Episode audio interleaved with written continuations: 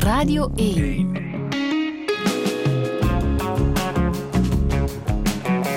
Douche. Met Friede Lesage. En met Michael de Kok, goedemorgen. Goedemorgen. Hoe gaat het? Het gaat goed. Ik zie een, eh, een blij man, maar ook een druk bezet man, hè?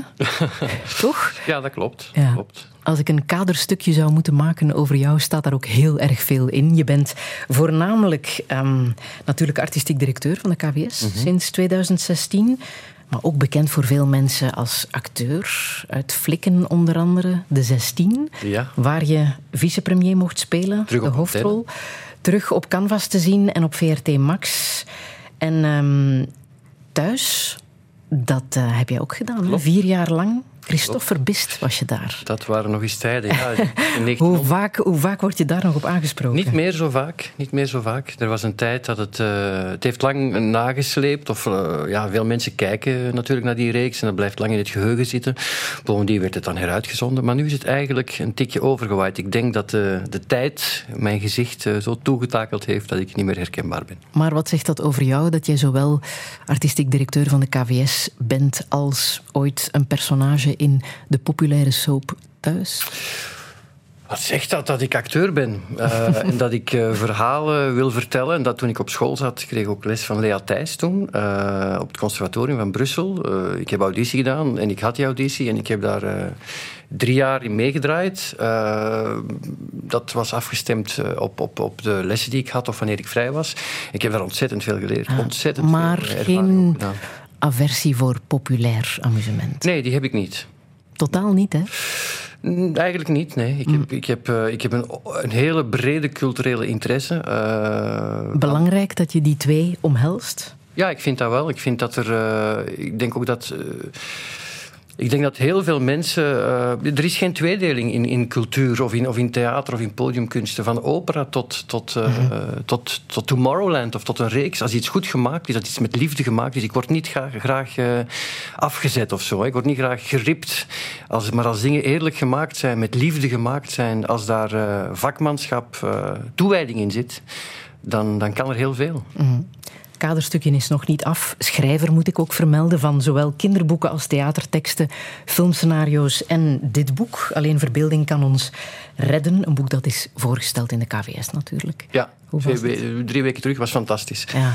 Het is een, een boekvoorstelling is altijd een beetje vreemd, hè, omdat je, eh, ja, je, je, je stelt het voor aan de wereld, maar, maar ja, de, de, de foute boekvoorstelling, zeg maar, er zitten alleen maar de onkels en de tantes en de broer en de zussen, hoe lief en goed bedoeld ook.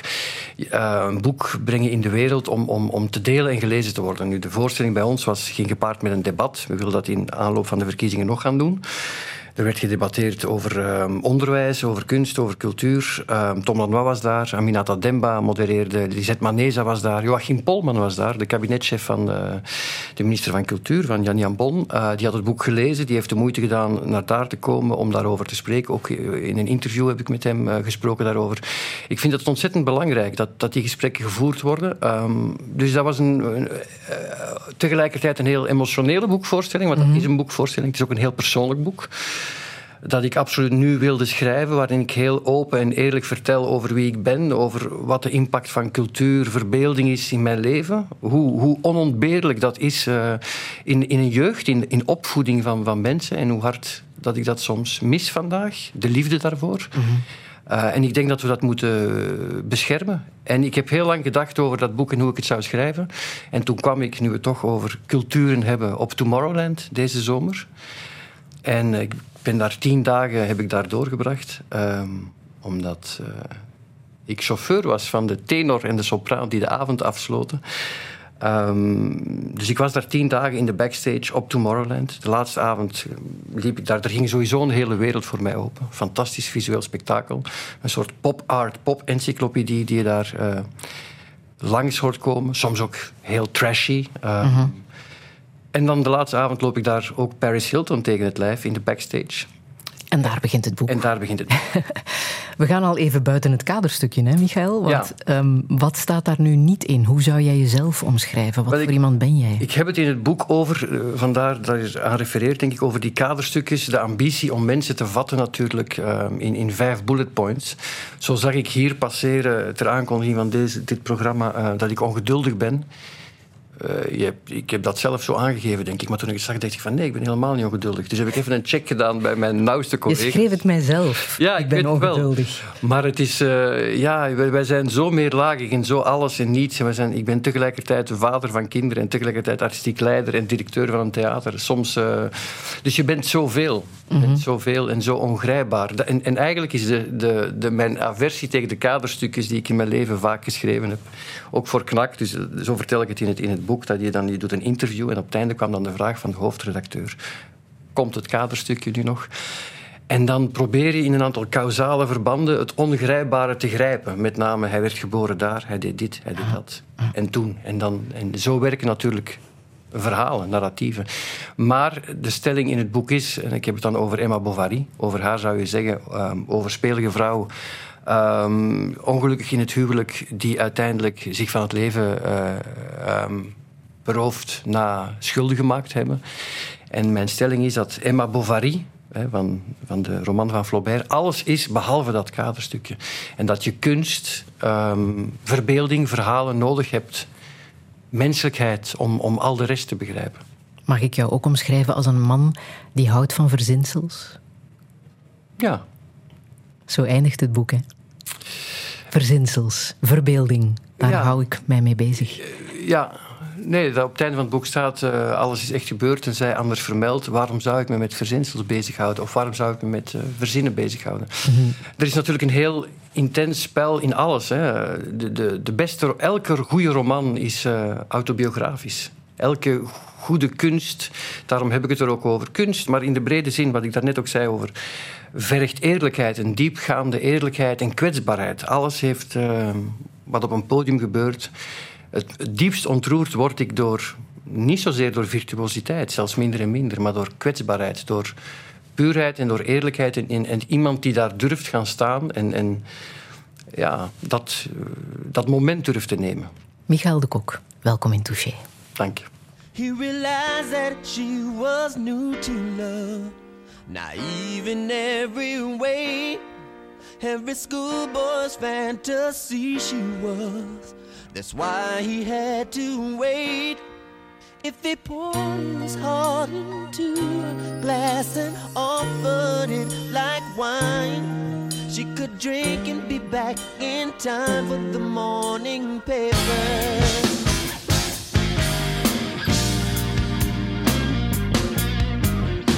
Take a walk down the ocean side. Make a wish on every wave. They could find a carousel and ride, or kiss in every cave. They could contemplate the entire universe, or just one star. Oh, just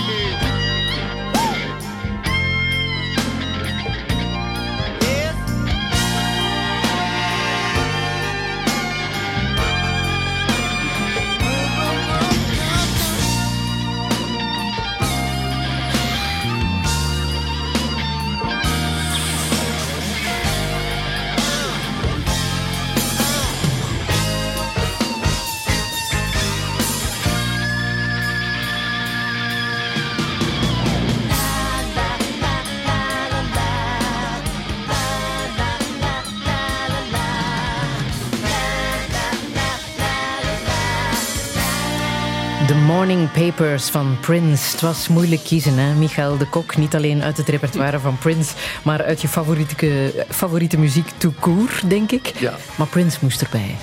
Ja, toch wel. Prince is... Uh, ik heb hem veel live gezien. Um, en... en ik ben een paar keer zeg maar, cultureel geboren. Uh, eerst door de, door de muziek die je thuis vindt. Een tweede keer door de grote broer en zus. En dan een derde keer toen ik op mijn twaalf 1984 in de bioscoop na de examens belandde in Purple Rain, in de film. Mm-hmm.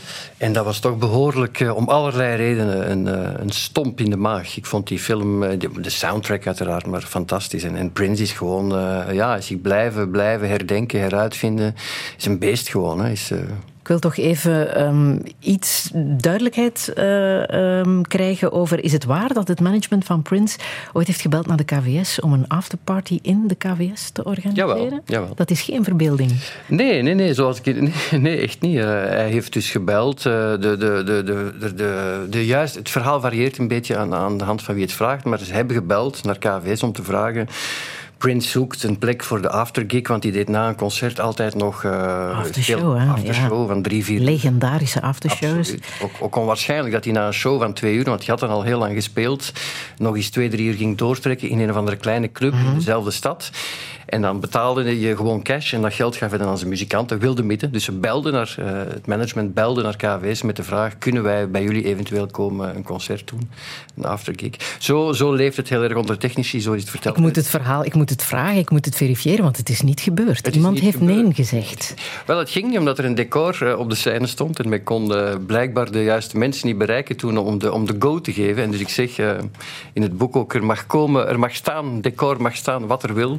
Ik sleep het eigenhandig naar buiten als Prins belt om te komen op. Maar dat is toen niet gebeurd. Dat is niet gebeurd, nee. Ik heb ook nooit een aftergig gezien. Ik heb hem, zoals ik zei, geregeld live gezien.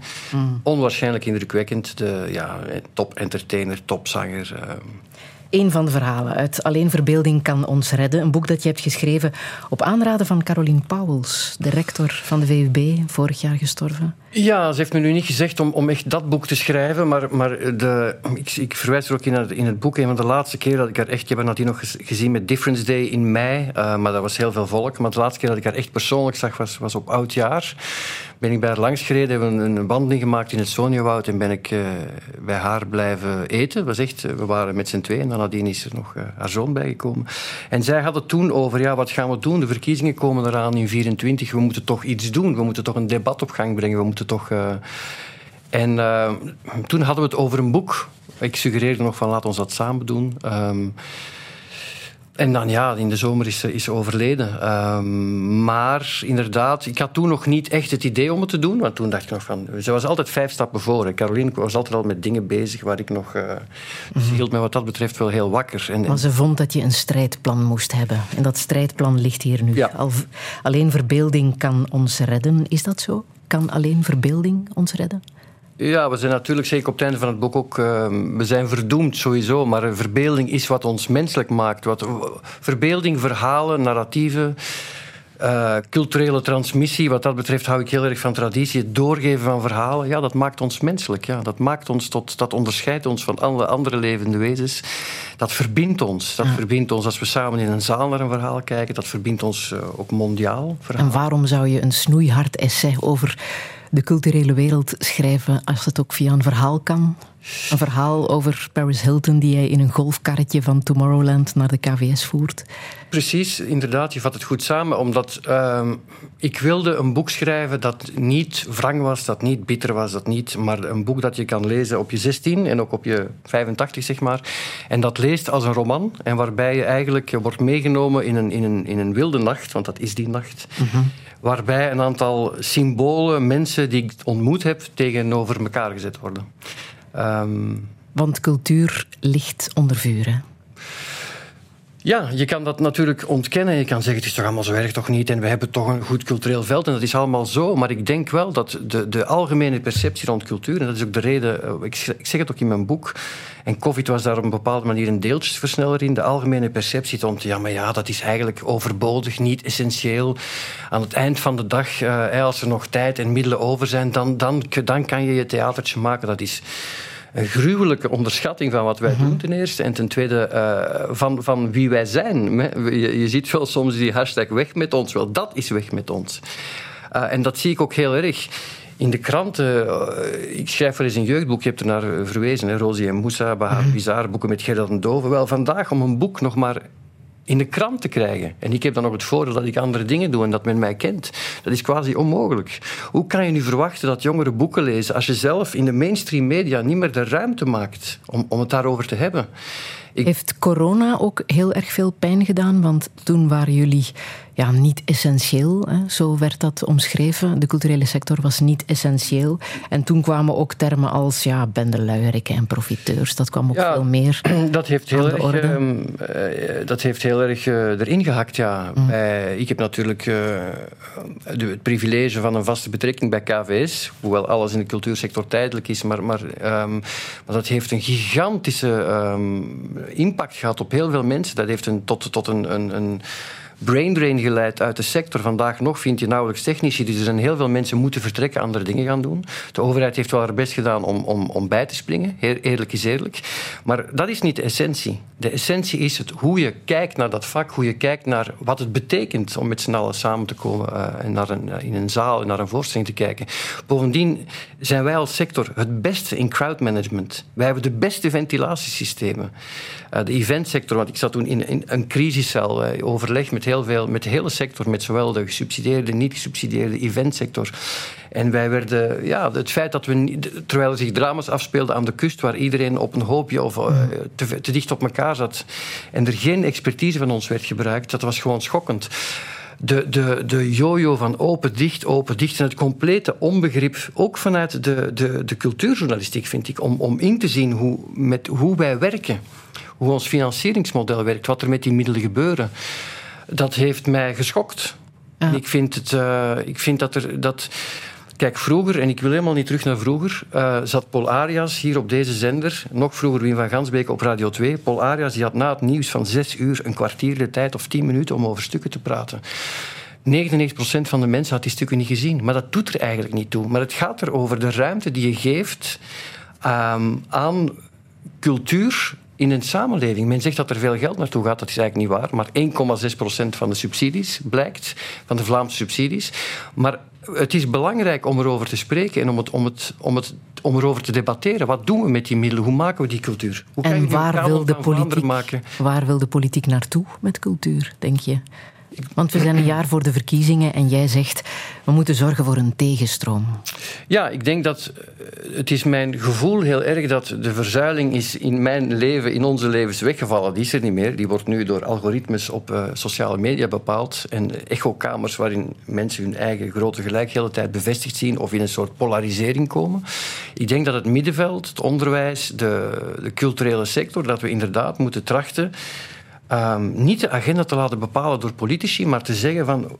Maar ook een heel erg grote impact daarop te hebben. Daarom dat ik ook sprak over die debatten. Ik roep ook wat dat betreft alle theaters op om dat het komende theater te gaan doen. Wat willen wij met deze samenleving? Om dat niet te laten kapen door, door een gepolariseerd discours. Want dat zie ik vaak, dat zie ik ook vaak op onderwijs. Het is, eh, of over ecologie, alles wordt in een gepolariseerd discours gegoten.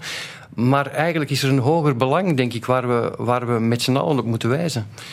Dat is jouw uh, strijdplan. Dat is iets waar ik me met velen uh, mee voor mm -hmm. inzet. Ja. ja.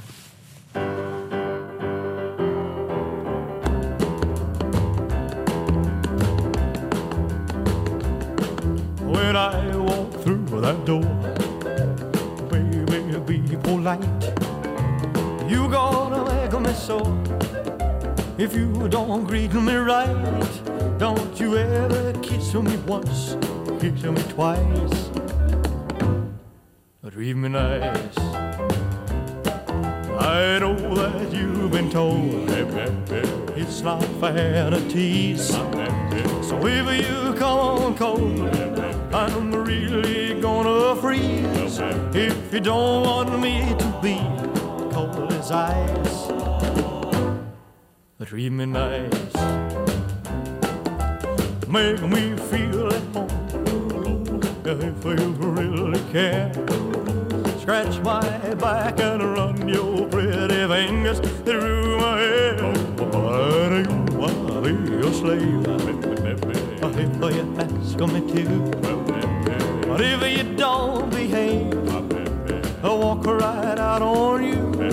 If you want my love, then take my advice. Real nice. Make me feel at home if you really care. Scratch my back and run your pretty fingers through my hair. I'll be your slave. If you ask me to, but if you don't behave, I'll walk right out on you. If you want my love, and take my advice. Read me nice, read me nice. If you really want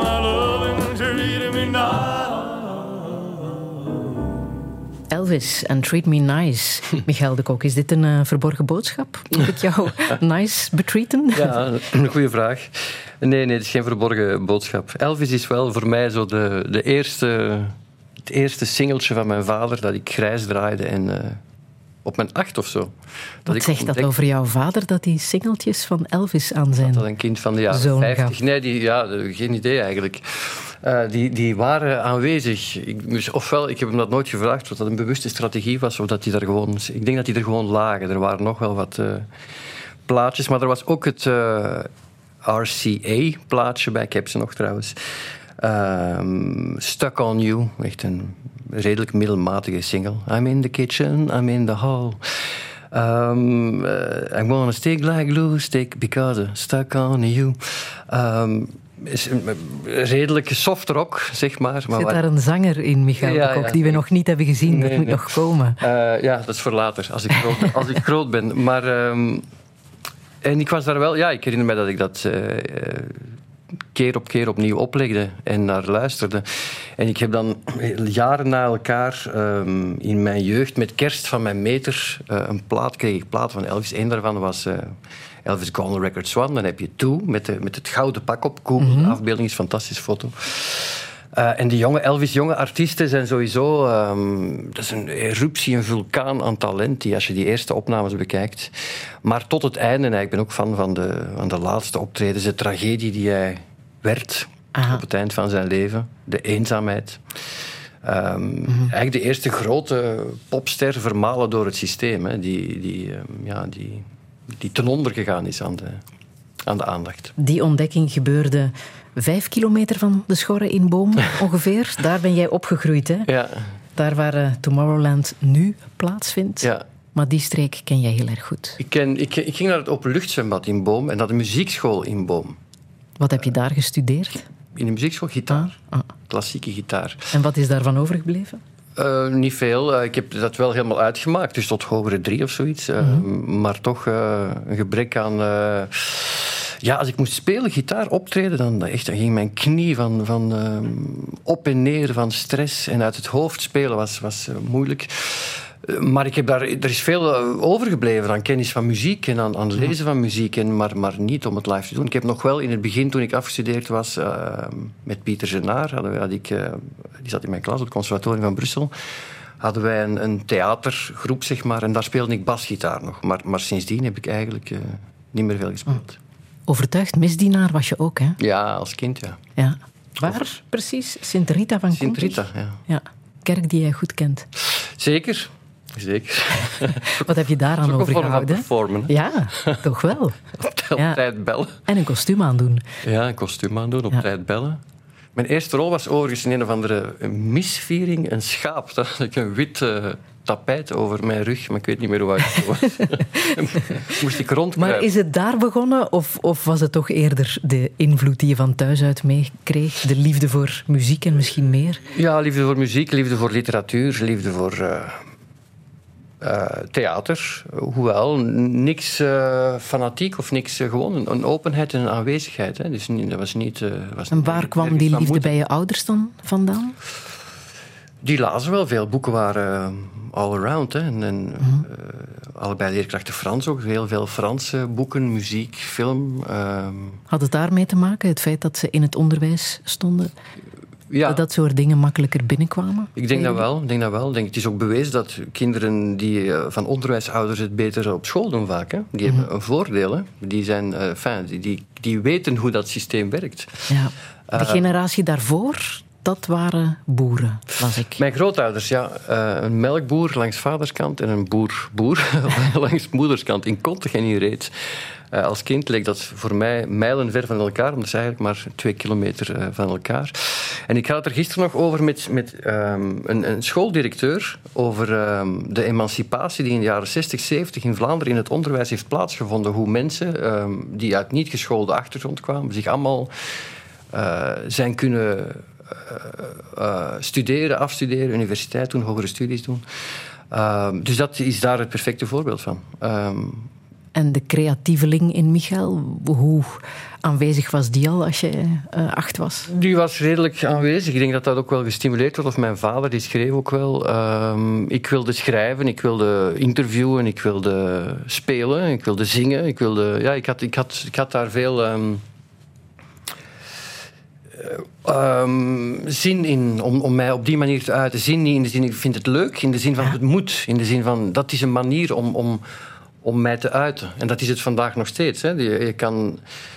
eh, om dingen te uiten via een metafoor, via verbeelding, eh, begrijp je dingen anders. Ehm, om om de, de onvolmaaktheid van de, van, de convers- van, het, van de taal te compenseren. Je deed ook interviews, hè? Met Ja. voornamelijk familieleden. Ja, ook. ja, ehm, ik heb ooit eens inderdaad mijn grootvader geïnterviewd, die ehm, in, een, in een werkkamp had gezeten tijdens de Tweede Wereldoorlog. En ehm, een groottante die wereldkampioen wielrennen is geweest. Ja. Ja, dat is heel bijzonder. Maar dus, tussen de eh, twee wereldoorlogen was die wielrenster. En die was toen een keer of vijf wereldkampioen geweest. Oh. onwaarschijnlijk. In de tijd dat je, als je de Ronde van Frankrijk deed, nog eh, zelf je fiets moest in elkaar timmeren als hij uit elkaar viel. Weet je nog wat ze daarover vertelde? Eh, nee, niet meer veel. Ik herinner mij dat ze... Nee, nee, nee. Ik, het is te lang geleden. Heb je dat uitgeschreven? Ja, dat ik heb dat interview? uitgeschreven, uitgetikt en die werden dan rondgedeeld. En dat was een soort, jawel. Ehm, ik, denk, ik denk dat ze nu niet meer eh, vindbaar zijn. Maar Wat een verhalen. Het zijn ook verhalen. het zijn verhalen, ja, absoluut. Under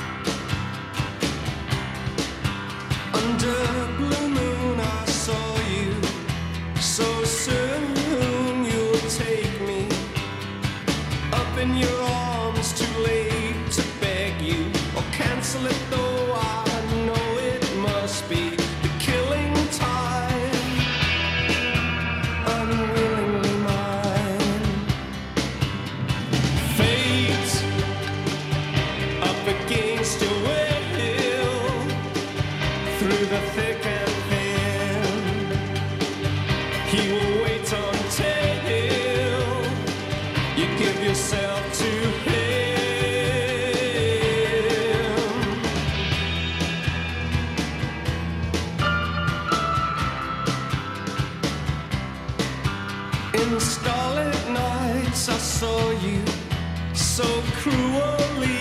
You kissed me. Your lips a magic world. Your sky all hung with jewels. The killing moon will come too soon.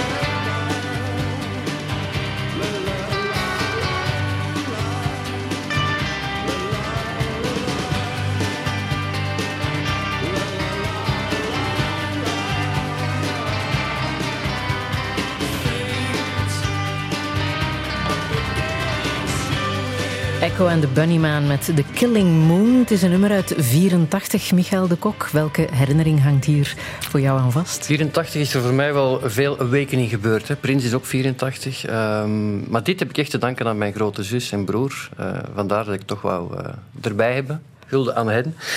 Eh, om mij dit te hebben leren kennen. Ehm, omdat je op een bepaald moment, ik ben de jongste van drie, toch heel veel meekrijgt van wat er, wat er voorhanden is. En ik was dan toch een bepaald moment in mijn leven een soort eh, meng- een, eh, iets tussen een new waver en een, een rockabilly Ja. met slangpuntschoenen die mijn broer ook droeg in der tijd. Eh, en ja, ik gewoon de Bunnyman was zo... eh, die, die plaat, Ocean Rain, is van 84, wist ik zelfs niet. Ehm, maar ehm, dit is het, het begin van kant 2, denk ik. En de, vooral de gitaar in het begin is... Dus dat brengt toch heel veel jeugdherinneringen bij mij op. Eh, Kant 2, de jeugd kent dat niet meer. Hè? Excuseer, ja, want ik ken dat wel, Friedel. Vinyl is terug in. Ah, ja, ja, oké. Eh, zo begon die tweede. En wat, wat ik, ik, ik was niet zo de cure, ik vond het allemaal wel oké. maar, maar Echo in de Benneman heeft ook een soort eh, melancholie die ik wel heel erg op prijs stelde. En als je, als je Chris Martin vandaag hoort, de stem van Ian McCulloch lijkt heel erg op die. eh, het is echt een, een voorloper daarvan. Maar er zat een soort melancholie of poëzie in hun, in hun geluid. ehm, die ik wel nog altijd heel erg mooi vind. Wat is er van jouw broer en zus geworden? Die eh, staan in het onderwijs. Aha. Mm. Jij bent Romaanse gaan studeren, hè? Eerst. Ja. Franse en Italiaanse literatuur. Terwijl je stiekem droomde van een leven en een carrière in de kunsten. Waarom is dat niet meteen gebeurd?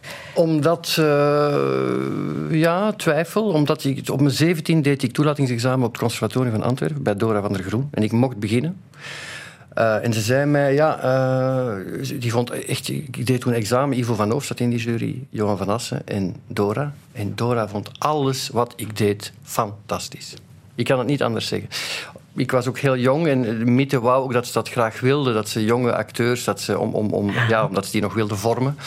En ik heb toen op een bepaald moment daarop geweld en gezegd, ik ga het niet doen. Eh, ze zei ook wel, je hebt de pijn van de wereld nog niet in jou, zei ze mij aan de telefoon toen. Heb- ben ik nooit vergeten. En ik zei, ik ga het niet doen. En ze zei, we zien elkaar wel terug. Eh, dus ik ben eerst gaan universiteit studeren. Ik heb er ook nooit een seconde spijt van gehad, omdat literatuur toch de, de studie van, van romans, van schrijvers, van, is eigenlijk hetzelfde als wat acteurs doen, alleen op een andere manier. Ik ben nadien dan het in de praktijk gaan doen. De vakschool van wat je eigenlijk, eh, als je letteren studeert, eh, in, in, in, in, reflectie doet over schrijvers. Maar de, de, weg is dezelfde eigenlijk. Naar een soort toch waarachtigheid of verdieping. Eh, maar dus vier jaar ter- later kwam ik terug op het Conservatorium van Antwerpen en ik deed opnieuw toelatingsexamen. Koppig als ik was en volhardend. eh, en zij vond niks meer goed van wat ik deed. Oei, Is echt waar? is echt waar. Ja. En Ivo, die, die zat er toen ook nog bij, die had zoiets van, ja, laat die jongen toch proberen. Maar Dora had zoiets van, eh, het was ook niet goed wat ik deed. Ik ben er zeker van dat het niet goed was. Maar ze zei van, wat ben je eigenlijk allemaal aan het doen? Dan ben je naar Brussel getrokken En daar Brussel is het wel gelukt. Ja. Dat is ook de enige raad die ik altijd geef aan eh, jonge acteurs. Ik geef er wel meer, maar de belangrijkste. Mensen die toneelopleidingen willen doen, of wat dan ook. Laat jouw toekomst niet bepalen door... Want zo waren er zoveel die hun toekomst laten bepalen door een afwijzing van één jury. Eh, ik heb het ook toelatingsexamen gedaan op Studio Herman Terlink. eh, en er waren heel veel mensen die dan na een week of na twee dagen niet toegelaten waren. En dan, heel en dan, dan stopte het. Dat heb ik ook nooit begrepen ten eerste. Maar, maar toch, mijn goede raad is, laat het niet afhangen van, die, van dat oordeel van die ander. Luister wel natuurlijk. Hè. Je ziet mensen genoeg die nul talent hebben en aan zangwedstrijden meedoen. En, enfin, luister naar wat, wat men zegt. Maar laat het er niet van afhangen. Mm. En het kan ook geholpen hebben, denk ik, hè, om te weten dat niet iedereen jou goed vindt. En dat Absoluut. je altijd moet blijven werken om het Ja. beter te krijgen. Nu, die liefde voor literatuur, wat je zegt, heb je uiteraard nooit losgelaten. Je hebt bijvoorbeeld de voorbije maanden hard mogen nadenken over eh, een boek, L'œuvre au noir, eh, van Marguerite Yourcenar, omdat je daar een voorstelling over gemaakt hebt in Théâtre National de Catalunya. In het Catalaans. In het Catalaans. Prachtig. Ja, wat een, wat een ervaring. Ja, ongelooflijk. Vooral ook om, om, om tal van redenen. Omdat Catalaans natuurlijk... eh, ik spreek in Catalaans. Ik ken, ik ken wel uiteraard zeer goed Frans. ehm, Spaans ook wel. Italiaans. Maar dus dat Catalaans, dat zweeft daar ergens tussen. Dus de taal klinkt mij wel vertrouwd in de oren als ik met de tekst kan volgen. Maar ik heb het in het Frans bewerkt. ehm, en dan is het vertaald naar Catalaans door Sergi Belbel. Weinigen zullen hem kennen, maar een, in, in de jaren negentig echt een icoon. Een fantastische Catalaanse auteur. Die heeft het stuk vertaald. En ik ben dan zes weken in, in, in Barcelona geweest, enfin, een paar keer voordien, om te casten enzovoort. En dan met een fantastische ploeg eh, acteurs eh, zes weken gewerkt. En omdat ik in Brussel een theater leid, ehm, ontsnapt mij soms de tijd of zijn er veel andere zorgen. Daar nog eens alleen maar kunnen bezig zijn met dat, met dat verhaal. ehm, is gewoon een fantastisch voorrecht. Het geeft mij ontzettend veel eh, zuurstof. En het feit dat je dit boek hebt gekozen, heeft allicht te maken met jouw romaanse opleiding. Ja, ook Heb wel. je toen leren kennen? Ja, ik heb Joursenaar leren kennen. Wij hadden les eh, toen aan de universiteit van Maurice Delcroix, een Joursenarien, zoals dat heet. Ik heb ook bij hem mijn thesis gedaan, maar over Nathalie Sarraute, niet over Joursenaar. Maar die, wij lazen dus wel veel Joursenaar. Ik heb haar biografie gelezen in de tweede licentie. Ik heb eh Nouvelle Orientale gelezen, fantastische korte verhalen. Kaderstukje, kaderstukje. Wat moeten we weten over Marguerite Yourcenar? Joursenaar is een Belgisch-Franse auteur, eerste vrouw eh, Académie Française, die eigenlijk twee grote meesterwerken heeft geschreven. ehm, Les Mémoires d'Adrien. Hoe je dat vertaalt, weet ik niet. Of een dagboek van Hadrianus, neem ik aan. Een historisch roman over eh, de Romeinse keizer. Eh, en ehm, een, een historisch personage. En eh, een, eh, Het Hermetisch Zwart, eh L'œuvre au noir. Een boek dat speelt in Brugge, begint in Brugge in de 16e eeuw. Dat gaat over Zénon Ligre. En hij is een fictief personage in een compleet bestudeerde historische context. Uh, en dat zijn twee meesterwerken waar ze aan het, aan het laatste L'œuvre noir heeft ze heel haar leven geschreven. Ze is begonnen op haar twintig. Ze heeft het beëindigd toen ze 60 was. En geschreven in West-Vlaanderen. Ja, ze is, daar, ze is daar opgegroeid. Ze heet eigenlijk Marguerite de Créancourt. Uh, maar ze heeft een anagram van haar naam gemaakt. Haar vader, uh, haar moeder is heel jong overleden. Was Belgisch, denk ik, en haar vader uh, Frans of omgekeerd. En ze is dan nadien uh, verhuisd. Uh, ze heeft heel lang in Amerika gewoond. Uh, maar ze is van een eruditie, als je filmpjes van haar bekijkt, ook op YouTube. Zoals het alleen in de tweede helft van de 20e eeuw kon, zeg maar. Een, een grand dame, echt. En een onwaarschijnlijk goede auteur. Ik zeg niet dat, dat die boeken lezen, dat is geen walk in the park. Dat is, dat ja, want dit boek, je hebt echt gewacht om dit boek te lezen. Hè? Jaren ja. ben je er niet aangekomen. Nee, ik heb, ik heb uh, Les Mémoires d'Adrien vroeger gelezen. Dit heeft heel lang geduurd, terwijl ik wist, er zijn er nog meesterwerken die liggen te wachten. Maar ik ken haar wel al heel lang als auteur, maar ik heb lang gewacht om dit boek te lezen. En ik praat veel met Carmen Portacelli, mijn collega in Theater Nationaal. Ik heb ooit Mrs. Dalloway voor haar bewerkt en Madame Bovary. Um, en door te dialogeren met haar, um, ik zou het ook in Brussel niet gedaan hebben, denk ik, maar kwamen we op dit boek en op de idee om, om dit te gaan, um, om dit te doen. En zoals ik ook schrijf in Alleen Verbeelding kan ons redden, omdat ik het ken van voor mijn twintig, dat is het vreemde. De dingen die je leert kennen voor je twintig, de goede muziek, de, de eerste gebroken relatie, die dingen die definiëren zo erg wie je bent dat het um, voor mij heel boeiend is om daar af en toe naar terug te grijpen en daar dingen die terug te lezen. Ik heb Madame Bovary voor het eerst gelezen toen ik 17 was. Ik heb er waarschijnlijk niks van begrepen. Um, en nu uh, heb ik ook met Maaike Neuville um, um, uh-huh. en Koen de Sutter en Anna Naatje een paar jaar terug gemaakt.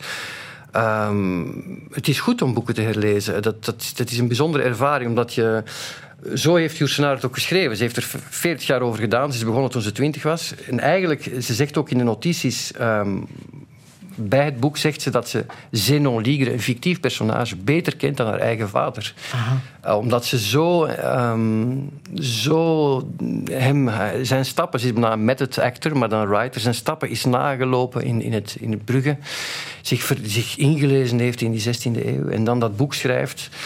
Waarover gaat het? Over, over angst, over terreur, over vrijheid. Voor mij gaat het eigenlijk over vrijheid. Over een...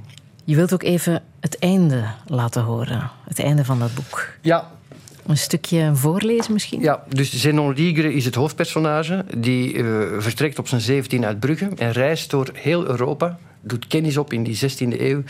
Reist door Europa onder een andere naam omdat hij vervolgd wordt. Omdat hij een aantal boeken heeft geschreven. Eh, eh, hij wordt vervolgd door de Inquisitie. Op het eind van zijn leven keert hij terug naar Brugge als hij 60 is. Hij gaat aan de slag in een, een hospitaal. Op een bepaald moment wordt hij gearresteerd om een andere reden. Hij is ehm, het was een tijd van terreur en godsdienstoorlog en inquisitie.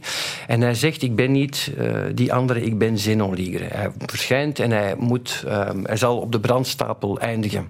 En de nacht voor hij ehm, zal branden, pleegt hij zelfmoord eh, in zijn cel. Hij heeft een mes verborgen en uh, Jursenaar beschrijft dat laatste moment, die dood...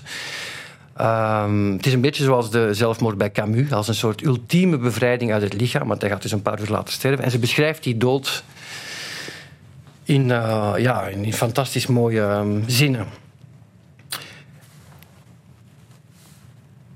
De nacht was gevallen. Maar hij wist niet of het in hemzelf of in de kamer was. Alles was duisternis. Ook de duisternis was in beweging. De zwarte nevels weken uiteen om plaats te maken voor anderen. Afgrond na afgrond, dichte schaduw na dichte schaduw. Maar dit zwart, anders dan het zwart dat men met de ogen waarneemt, sidderde van kleuren. Ontstaan als het ware uit wat hun afwezigheid was. Het zwart veranderde in vaal groen, toen in zuiver wit. Het bleke wit transmuteerde tot goudrood zonder dat evenwel het oorspronkelijke zwart verdween precies zoals de gloed der sterren en het noorderlicht schitteren in wat desondanks de zwarte nacht is. Gedurende een ogenblik dat hem eeuwig leek, trilde een scharlaken bol in of buiten hem, stortte zich bloedrood uit over de zee, zoals de zomerzon in de, peel, in de poolstreken. Leek de vurige bol te aarzelen, steeg toen met een onmerkbaar schokje opnieuw naar het zenit, loste zich tenslotte op in een verblindend licht dat terzelfde tijd de nacht was. Hij zag niet meer. Maar de geluiden van buiten drongen nog tot hem door. Evenals destijds in Sint Cosmas weer klonken haastige voetstappen door de gang. Het was de cipier, die op de grond een donkere plas had ontdekt. Maar alle spanning had opgehouden. Hij was vrij. De man die tot hem kwam, kon slechts een vriend zijn. Hij deed een poging, of meende die te doen, om overeind te komen, zonder goed te weten of hij werd geholpen of dat hij het was die hulp bood. Het geknars van de omgedraaide sleutels en de weggeschoven grendels was voor hem niet anders meer dan het schrille geluid van een openstaande deur, van een opengaande deur. En tot zover kan men gaan in het einde van Zeno. Op welke manier raakt jou dit, dat fragment? Ontzettend. Ik vind dat. Uh, ik krijg er koude rillingen van als ik het lees. Omdat ik weet het- niet of de mensen dat thuis hebben. Ja, omdat het. eh, eh, weet je, het is, ze heeft een anticlericaal boek geschreven. Ze was heel erg anticlericaal geschreven, eind jaren zestig. Maar het is diep en diep religieus. Wat er hier staat is diep en diep eh, menselijk en religieus. En het. ehm, het is het 21 grams. Hè. Is, het eh, de man sterft, zijn, eh, het bloed loopt naar de deur. En hij beschrijft, ze beschrijft bijna als een buitenstaander hoe, hoe dat lichaam implodeert. Iets eerder zegt ze ook dan dat lichaam dat zich plots realiseert dat het bedrogen is, want het was nog helemaal gezond. Ehm, ja, ik vind dat van de mooiste pagina's ehm, die ik ken in de literatuur. En dat einde, Jorsnaar is ook heel hard. Die dus eh, hè, de, de voorlaatste zin, dus het geluid van die deur die opengaat in de laatste zin. Et c'est, et c'est aussi loin qu'on peut aller dans la fin de Zénon. En tot zover kan men gaan in het einde van Zeno. En dan stopt het. Ze heeft niks meer te zeggen. Ik heb in het stuk nog een stukje toegevoegd. En een van de critici in Spanje die het stuk zag, die vond dat heiligschennis. En ik snap waarom. Ehm, Wanneer kregen wij die voorstelling te zien? ik hoop dat die volgend jaar naar KWS komt. Ja. In het Nederlands dan? Of? Nee, in het Catalaans. Weet Ja. ik wil ze, als ik ze met één acteur had gemaakt, dan was het met Johan Leijzen. Ik heb er met hem ook over gehad, ehm, meermaals. Ik heb met hem gewerkt toen, toen, ik de Ilias, toen hij de Ilias kwam lezen. In vertaling van Patrick Lateur. Hij doet mee in de verfilming van Delvaux. Hij speelt de, de cipier, ehm, Gian-Maria Volonté. Uh, en ik heb het met hem over. Johan was onwaarschijnlijk slim, erudiet. Kon je over, hierover vertellen op een manier dat je. En hij, ja. Ik heb, hem, ik heb hem de vraag overigens nooit gesteld. Ik wist dat we. Ik, ja. Maar dat we, ik, ik, ik weet dat hij grote liefde had voor Joersenaar en voor het boek, dat hij door en door kende. En het, het zou een fantastische rol voor hem geweest zijn. Maar het sterven op scène is hem niet meer gegund. Nee. Hm.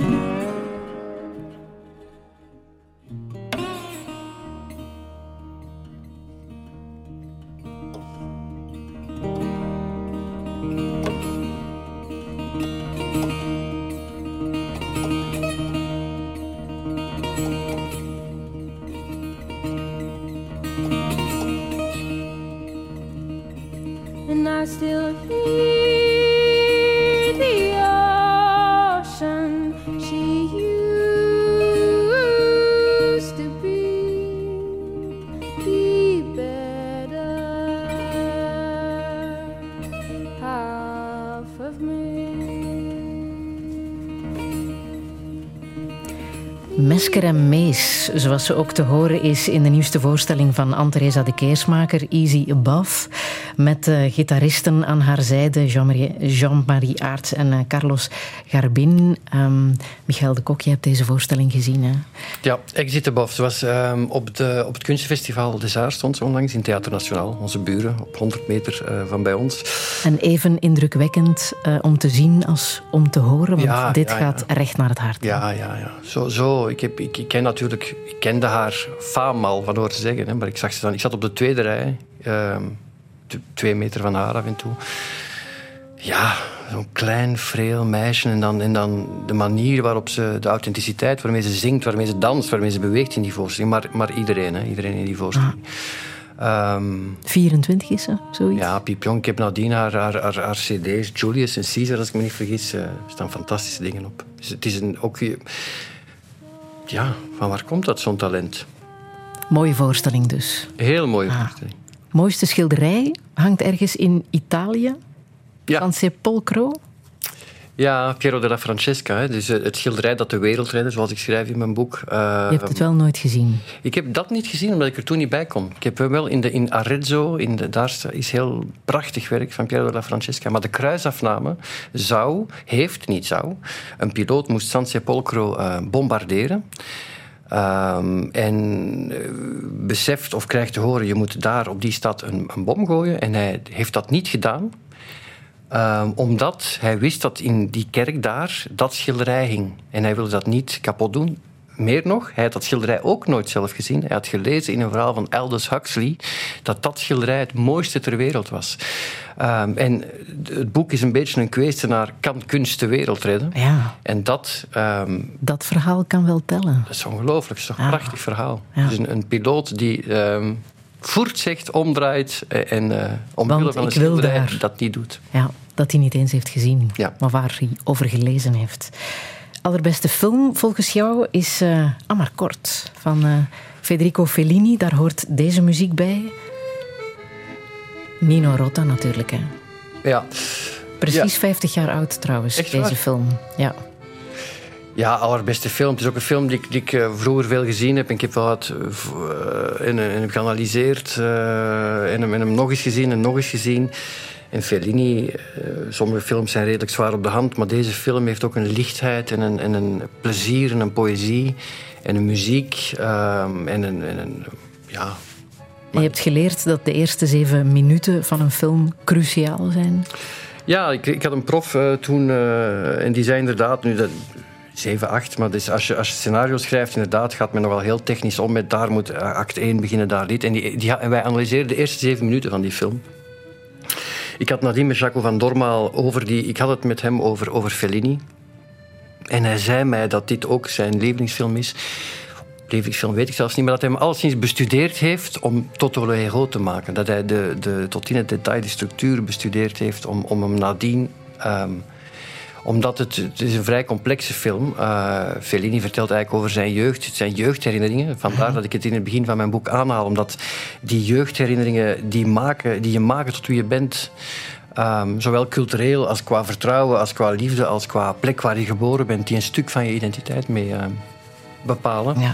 Het fascistische Rimini, jaren precies. 30, Ja. daar speelt het zich af. Ja. Ja. Ja, Maar een aanrader om te bekijken. fantastische film. Ja.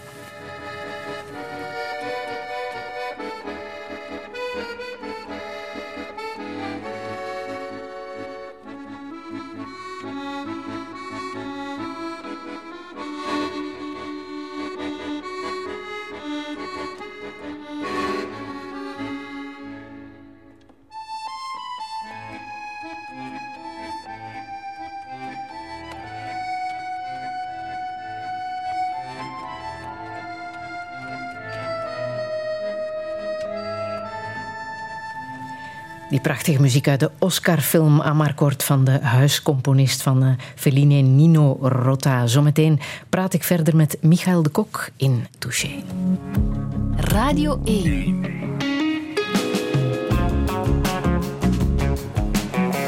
Douche. Met Friede Lesage. Touché met Michael de Kok. De artistiek directeur van de KVS is net 50 geworden. In dit cruciale aanloopjaar naar de verkiezingen schreef hij het boek Alleen verbeelding kan ons redden. Om aan de politiek en het publiek uit te leggen waarom verzinsels essentieel zijn voor de democratie. Maar hoe moet het verder? Wat zouden we zijn zonder schoonheid? Hoe kijken zijn kinderen naar de toekomst? En hoe houdt hij zijn mateloze energie op peil? Dit is Touché met Michael de Kok. Een goede middag.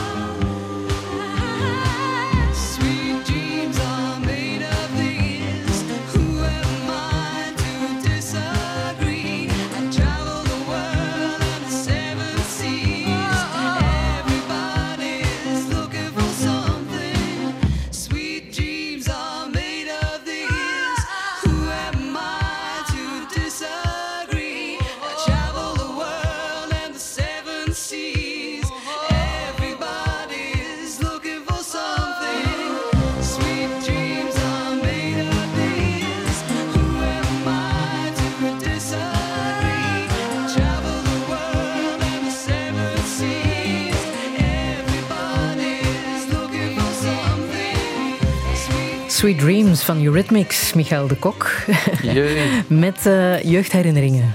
Ja, ja, Werchter 87. Eerste, eerste, eerste grote festival met mijn broer en twee vrienden met de fiets, een tocht. En dan daar, eh, de, die eerste dag, dat was toen eh, voor de jonge luisteraars, er waren geen zeven podia en geen, eh, was één podium, één, één, één line-up. Geen decor, Nauwelijks, gewoon de boksen. ja, gewoon spelen. De En- essentie. En, en, ehm, Eurythmics was daar, ik denk, ik denk dat Pieter Gabriel, nee, ik weet het wel zeker, de headliner was. En de Benjamin was er ook dat jaar, denk ik.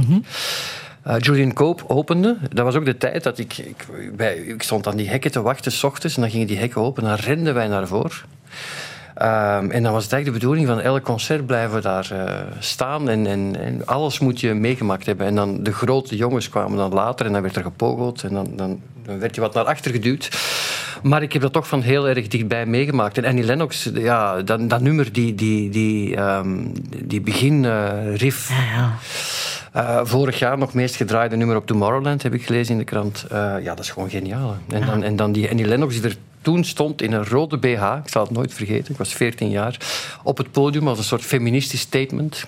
En ik heb nog altijd wel een grote bewondering voor, ehm, voor Annie Lennox. Ik volg nog altijd wel wat ze doet en wat ze... Ik vind een heel, heel interessante artiest. Ah. Eind jaren tachtig was een ander leven, hè, Michael? Totaal. Vooral niet digitaal. Alles Ja. was gewoon echt. Was niet via een schermpje of eh, sociale media. Daar was nog geen sprake van. Mis je dat? Jawel, toch wel. Ja, ja, dat is, oud worden is iets vreemd. hè. Of ouder worden, je denkt heel lang, ik ben nog mee, ik ben nog mee. Ik merk dat ook bij acteurs, tot je op een bepaald moment merkt aan die anderen, ja, maar eigenlijk ben jij wel ouder. En tot op een bepaald moment, nu, eh, ja, ja, de digitale revolutie heeft natuurlijk, zoals de boekdrukkunst, heeft zoveel, eh, de mondialisering heeft, heeft, is, is, we, ain't seen nothing yet. Hè. Dus dat is natuurlijk, ik heb dat vroeger altijd betwijfeld, dat, we, dat je als mens een historisch moment meemaakt. Want mensen denken wel vaak vanuit hun eigen beleving om naar de wereld te kijken, alsof ze allemaal in een uiterst belangrijk tijdslot leven. Maar de- die 30 jaar die we nu meemaken van versnelling. En, en de angst die dat genereert, eh, dat is toch gigantisch. Dus vroeger, toen ik kind was, en jij ook, eh, we hadden het er net over, je vertrok 's ochtends en je, en je kwam tien uur later terug thuis. Of, of als je moest eten, of je ging, en, en niemand wist waar je was. Ah. Die digitalisering, als je dat nu eh, bekijkt in het licht van het onderwijs, is dat iets positief of, of negatief? Ja, kennis is... eh, de vraag stellen is eigenlijk redelijk irrelevant, want de, de, de, we, gotta deal with it. Dus je- we moeten het ermee doen. En, en natuurlijk is kennis zo dichtbij en, en, en kan je je voorstellen, ik heb mijn enfin, allemaal open deuren, waar mijn these nog gemaakt op een, op een typemachine, letter voor letter. Dat was 1994. hè. Dat was, bedoel, en nu... En dan de eerste mails. En dus natuurlijk is digitalisering geweldig. Geweldig, fantastisch. Sociale media zijn fantastisch. Maar er is ook toch groot ver- verlieskant. Want- Aan dat nooit kunnen gedeconnecteerd zijn, bijvoorbeeld. Aan de druk die het constant op ons legt. Aan de, aan de versnelling. Je kan alles vinden op het internet. Maar om iets echt te vinden... Mijn vader is 80 jaar, die kan dat beter dan ik, want die heeft meer tijd. Om echt iets goed te vinden, de bibliotheek, want je kan eigenlijk overal aan. Maar als je de eerste 100 resultaten die je vindt op Google zijn gewoon... eh, vaak eh, onzinnig en kort en, en net niet verdiepend. Dus verdieping vinden. Je kan in de niche alles vinden eh, wat je wil. Maar, maar, maar ehm, de algemene verdieping, dus de, laten we zeggen dat. die is er wel door op achteruit gegaan, denk ik. Wat zegt jouw vader over de val van het onderwijs? De kwaliteit die zo erg achteruit gaat? ouders zien dat met redelijke ledenogen tegemoet. Hè? Maar bon, die zijn al een tijd gestopt natuurlijk. En wat is de oorzaak volgens jou? Er zijn verschillende oorzaken. Wat ik, wat ik vandaag merk, ten eerste is natuurlijk de job van leerkracht aan, aan, is in de, in de, aan, aan belang verloren. Ehm, aan, aan aanzien verloren. Ehm, wat ik vooral denk is dat eh, eind jaren 80, 90 er is een soort valse dichotomie ontstaan. Een soort valse tweedeling tussen gelijke kansen en tussen excellentie. En nog vandaag hoor je die beide altijd om elkaar strijden. Terwijl ehm, die beide gaan hand in hand. Als je wil, je moet de lat hoog leggen voor iedereen. Maar je moet net mensen, die kansarmere jongeren, begeleiden om daar te geraken. Dat is één ding dat belangrijk is. Eh, en, en dus ook weer daarom dat men een soort ge, ehm, eenheidsworst creëert. En ten tweede denk ik het efficiëntiedenken, dus het meten. We hadden het net over digitalisering.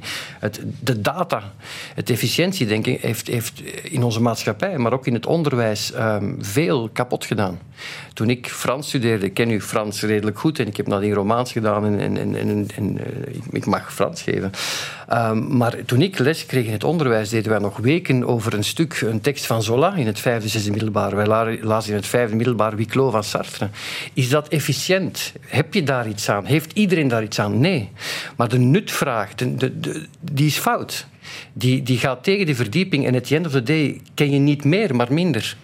Zonder inhoud is taal niks. Zonder passie, zonder verankering in waar, waar, waar iets over gaat, is het zinloos. Maar is het dat ook, kunst als creatief middel om het onderwijs weer aantrekkelijk te maken? Maar weet je, ik, ik, ik, ik denk dat dat kan. Ik denk dat je moet... Je, moet, je, moet, eh, je komt één keer in je leven een gepassioneerde leraar tegen die in jou iets ziet. In het zesde middelbaar had ik een leraar Nederlands en we moesten allemaal een boek lezen. En die, die leraar die tegen mij, die, die wist dat ik geïnteresseerd was in literatuur, die zei mij, lees jij de avonden van, van Gerard Treven? En hij had En hier, gelijk. en hier heb je nog een boekje erbij. Ah. Ja, en had gelijk. Dus vorig jaar, of tijdens COVID, kreeg ik een mail van Dirk Kerkhoven, directeur van Sint-Pieters-Woluwe van Don Bosco. En zijn we gaan lesgeven, Lisette Maneza, Wim van de Keibus en ik. En dat was mijn eerste vraag aan die jongeren, eerste graad, ehm, op een leeg bord. Wat eh, heb je nodig om theater te maken? Dat begint dan met acteurs. En dan schreven ze het hele bord vol uiteindelijk met communicatie, eh, decor, elektriciteit. Om maar te zeggen, die wereld kan ook de jouwe zijn om maar te zeggen dat iedereen toegang kan hebben tot die wereld. En dat je door dat te doen, dat je... Ja, zonder passie gaat er niks, denk ik. En dan natuurlijk, wat ik hallucinant vind... En dat is het gat in de begroting vandaag. Niet, niet, die, niet die cijfers, maar hallucinant is dat wij vandaag geen leerkrachten meer vinden. Kan je dat voorstellen? Onze toekomst in, in dit land, waar alles teert op kennis en overdracht. Wij vinden geen leerkrachten. Ik ken drie fantastische journalisten in het Brusselse. eh, Philippe Rogiers, gisteren heeft het nog wereldkundig gemaakt Ja. in de standaard, die voor het onderwijs kiezen. En dat is natuurlijk fantastisch, hè? die zij-instromers. Wat een geluk dat die mensen voor de klas gaan staan. Eh Marton Peters, journalist bij De Morgen, zei het mij ook, van, die geeft nu ook eh gedeeltelijk les. En die zei me van, ja, ze, ze, ze zit met de handen in het haar, je kan eender wat komen geven. Toen ik afstudeerde als romanist, had, kreeg ik... In mijn opleiding kon ik eh, dat didactisch diploma halen. Zes uur heb ik lesgegeven, dat is weinig. Maar ik kreeg dat didactisch, ik heb, ik heb dat kunnen combineren. Sindsdien heeft men die opleiding alleen maar moeilijker gemaakt. Studenten koeieneren met planlast, met, met papers. Ik zeg niet dat het niet interessant is. Hè. Dat geloof ik niet. Ik geloof dat best dat dat interessant is. Want ik ken mensen die dat studeren, maar veel mensen zien er ook tegen op. Gevolg, ehm, veel mensen worden ontmoedigd om dat te studeren. Of krijgen dat diploma niet. En vandaag vindt men geen leerkrachten. Hoe het zover is kunnen komen. En ik- ja, dat, dat is toch van God los. En dan denk je toch van, dan moet je toch als politici boven boven ehm, je eigen schaduw kunnen stappen en boven die ideologische verschillen, want die doen er eigenlijk niet zoveel toe. Zelf ben ik grote voorstander van diversiteit in dat onderwijs. En van eh, een Brusselse school met meertalige kinderen heeft andere zorgen nodig, meer investering, misschien, om die kinderen, die meertalige kinderen, ergens te krijgen over diezelfde lat. Maar dat is niet onmogelijk. Komen ze naar de KVS kijken, die scholen, die Brusselse scholen? Ja, die komen natuurlijk kijken. Wij, hebben- wij hebben een scholenwerking en wij gaan ook sinds COVID, we doen het nog, Lisette Maneza heeft het dit jaar nog gedaan, gaan lesgeven in die scholen. Gaan En wat is het effect? Voel je dat dat iets teweeg Maar- maar brengt? weet je, natuurlijk voor die, voor, die, voor die jongeren ben je ook maar, een- maar een lesgever. Maar, maar het effect is wel...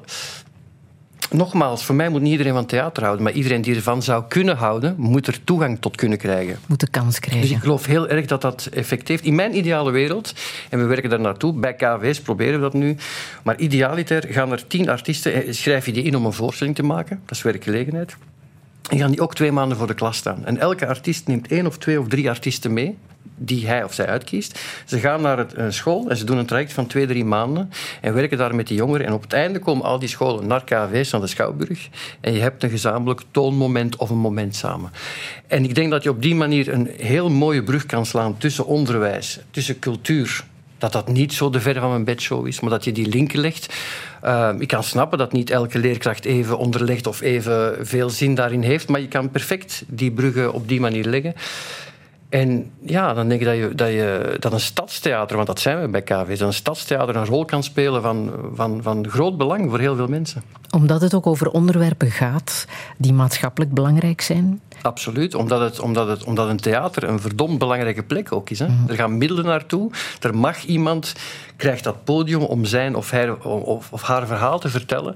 Wat is voor jou het belang van een stadstheater als de KVS? Wel, wij proberen, en dat ben ik niet alleen, maar wij proberen artiesten goed te begeleiden. Het best mogelijke theater te maken dat die stad representeert of dat die stad ademt. En vooral ons de vraag te stellen, wat kunnen wij betekenen voor die stad? Voor die, die stad waar wij in leven en waar in Brussel 180 nationaliteiten leven. Waar al die mensen samenkomen. Een stad van aankomst, waar, waar zoveel diversiteit is, dat het ook een onwaarschijnlijke aantrekkingspool is voor heel de wereld. hè. De beste dance scene, de beste podiumkunsten zien is quasi in Brussel. Wij hebben een fantastisch... Ook dat, wat zou ik het fijn vinden, maar ook, ook, ook in Antwerpen en ook in Gent. Wat zou ik het fijn vinden mochten politici dat wat meer uitdragen? Zou jij zelf ooit in de politiek stappen? Nee, dat denk ik niet. Nee? Nee. Hoe gedreven je er nu over praat? Ja, maar iedereen heeft zijn ehm, ehm, rol te vervullen en, en ik doe die vanuit eh, het theater. En als het niet lukt vanuit de theaterwereld om iets te veranderen, moet het dan vanuit de politiek? Nee. Maar, maar ik, heb, nee, nee. ik heb één keer in mijn leven gesolliciteerd voor een andere job. Eén keer. Dat was in 2010, toen ik een slecht dossier had eh, in, eh, in Mechelen. Een dossier, wij moeten dossiers indienen en ik voelde mij toen redelijk onbegrepen. En toen heb ik gesolliciteerd eh, bij het Klein Kasteeltje in Brussel. Waar er toen een vacature was. En ik dacht van, oké, er is zoveel... Ik had er een paar boeken over geschreven, over, eh, over eh, asiel, migratie. Er is zoveel menselijk kapitaal daar dat in wachtmodus zit en niks kan doen, waar je zoveel mee kan. En ik mocht komen op gesprek en ik zei ook van, kijk, als mij hier iets interesseert, dan is het dat. Dat hier zoveel menselijk kapitaal is waar je zoveel kan voorbetekenen, maar die ook zoveel kunnen betekenen. In plaats van dat je die nu in een soort eh, lege, ja, in een zone zet waar ze, waar ze niks meer betekenen en hun menswaardigheid afneemt. Maar en, en, ik heb dat uitgelegd, maar ze hadden toen een, een, een soort, uh, ze zeiden ze ook letterlijk, een manager nodig om daar de boel ehm, recht te trekken, praktisch te trekken. En ze hadden dat profiel niet nodig, dus dat is niet geworden. Godzijdank, want ik ben zeer gelukkig in wat ik nu kan doen. eh, En stukken Ja, maken over bijvoorbeeld. over en met. Hè. Dus ook daar is de wereld heel erg in veranderd. Toen ik dat twintig jaar terug in die vrachtwagen, ik heb het er ook in mijn boek over, dat stuk maakte, dat zou ik vandaag lang niet meer zo doen. Wij hebben zoveel artiesten die daarover kunnen spreken vandaag en die dat gefundeerd of beleefd, met meer beleving kunnen doen dan ik. Ehm, dat inderdaad die ruimte meemaken, dat dat een, eh, een heel fijne taak is op dit moment.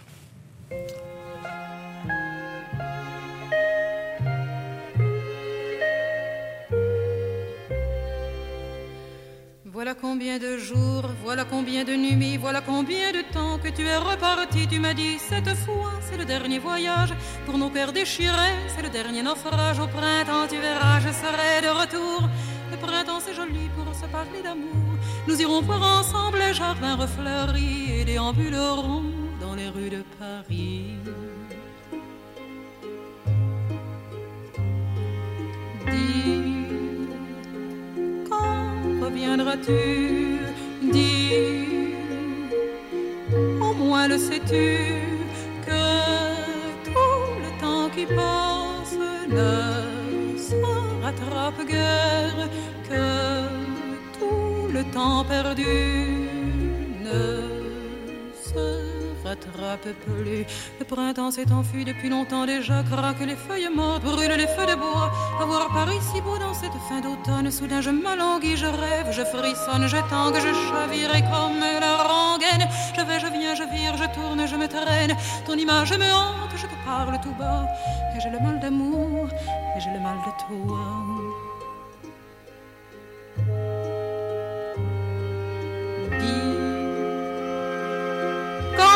Reviendras-tu Dis, au moins le sais-tu que tout le temps qui passe ne se rattrape guère, que tout le temps perdu ne rattrape plus. J'ai beau t'aimer encore, j'ai beau t'aimer toujours, j'ai beau n'aimer que toi, j'ai beau t'aimer d'amour. Si tu ne comprends pas qu'il te faut revenir, je ferai de nous deux mes plus beaux souvenirs. Je reprendrai la route, le monde m'émerveille, j'irai me réchauffer un autre soleil. Je ne suis pas de celles qui meurent de chagrin, je n'ai pas la vertu des femmes de marin.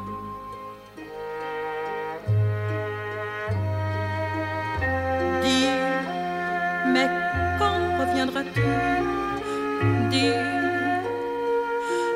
au moins le sais-tu que tout le temps qui passe ne s'en rattrape guère, que tout le temps perdu ne se rattrape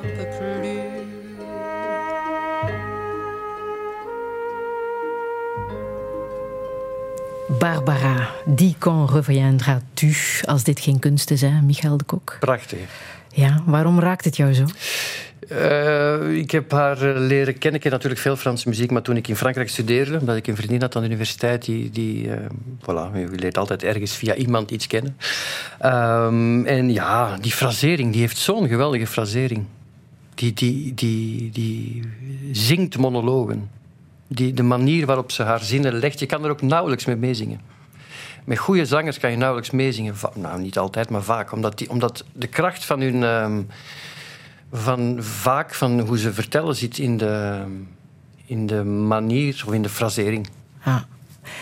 Erasmus, dat ook. Erasmus in, eh, in Frankrijk. In Caen, Ah. Normandië. Maar het had ook Amerika kunnen zijn, denk ik. Daar heb je ook pogingen ondernomen Ja. om eh, te gaan studeren. Ja, ik, heb, eh, ik wilde na mijn... eh, met mijn toenmalige vriendin, na mijn universiteit, wilde ik eigenlijk gaan doctoreren. Of er was een beurs in New Orleans, Louisiana, dat uiteraard Franse roots heeft. La Nouvelle-Orléans, waar men de Cajun, waar de Franse, en waar men Europeanen heel graag zag komen. En ik had daar inderdaad, dat was om het over een andere tijd te hebben, we hadden het er daarnet over, dus de, de vraag was vertrokken om daar te gaan doctoreren. Ik zou er voor zes jaar, denk ik, naartoe gaan, of vier jaar.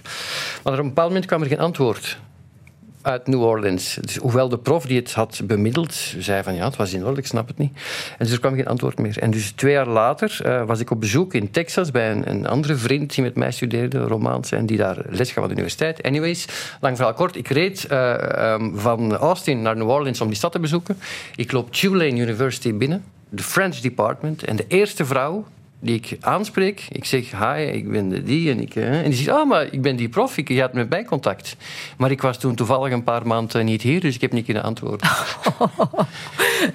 Eh, tot zover. Ja. Ehm, Is het niet geworden in Amerika. Maar stel nu dat jij toch in Amerika was blijven haken. Wat voor leven had je daar dan gehad, denk je? Geen idee. Dan, dan, dat is het eh, frappante aan het, aan het leven natuurlijk. De, ik geloof heel erg in serendipiteit en in de toevalligheid van de dingen. De beste dingen zijn mij overkomen. Ook, ook in het creëren. Er zijn vragen geweest. ehm, en, en zijn niet de dingen die je per se keihard nastreeft. Dus, dus ik ben teruggekomen naar hier. ehm, die relatie is geëindigd. Ik ben gaan conservatorium doen. En, en voilà. En het leven gaat een andere kant op. Over die relatie trouwens schrijf je een hele mooie zin. Niet zo moeilijk als het beëindigen van een relatie. Het is onmenselijke openhartchirurgie zonder verdoving. De liefde is het allergruwelijkste verzinsel. Sla er de wereldliteratuur maar eens op na. Ja. Ja. Eh, ja. Ehm, hmm. Wat daarop te zeggen, ja. De, wij zijn... De liefde is alle liefdes die we... Onze liefde die wij kennen, is alle liefdes die we beleefd hebben, denk ik. Dus die, hè, die je als jonge, als, als jong, jonge persoon meemaakt. En die vormen je. Ehm, en die eerste grote, dat eerste grote gebroken hart, ehm, dat is natuurlijk iets wat je je leven lang meedraagt. Zij heeft toen, ik niet, de moed gehad om, om dat te zeggen. Ehm, ja, dat heeft mij heel erg gevormd. Ik heb daar... De film Achter de Wolken gaat voor een stuk over de illusie van wat als je 50 jaar later je eerste liefde terug tegenkomt. Dat is een tekst van jou, een theatertekst die is verfilmd geweest. Ja, Met eh, ja, Chris Lomme. met Chris Lomme en, en Jode Meijeren. Eh. Heel erg stoelend, ook op gesprekken met hen, maar, maar ook toch op, op, op die ervaring en op een zin uit Tsjechov. Tsjechov die zich afvraagt in Drie Zusters, wat als je je leven, Verschinin vraagt, wat als je je leven een tweede keer zou kunnen leven? Zou je dan alles hetzelfde doen of niet? En?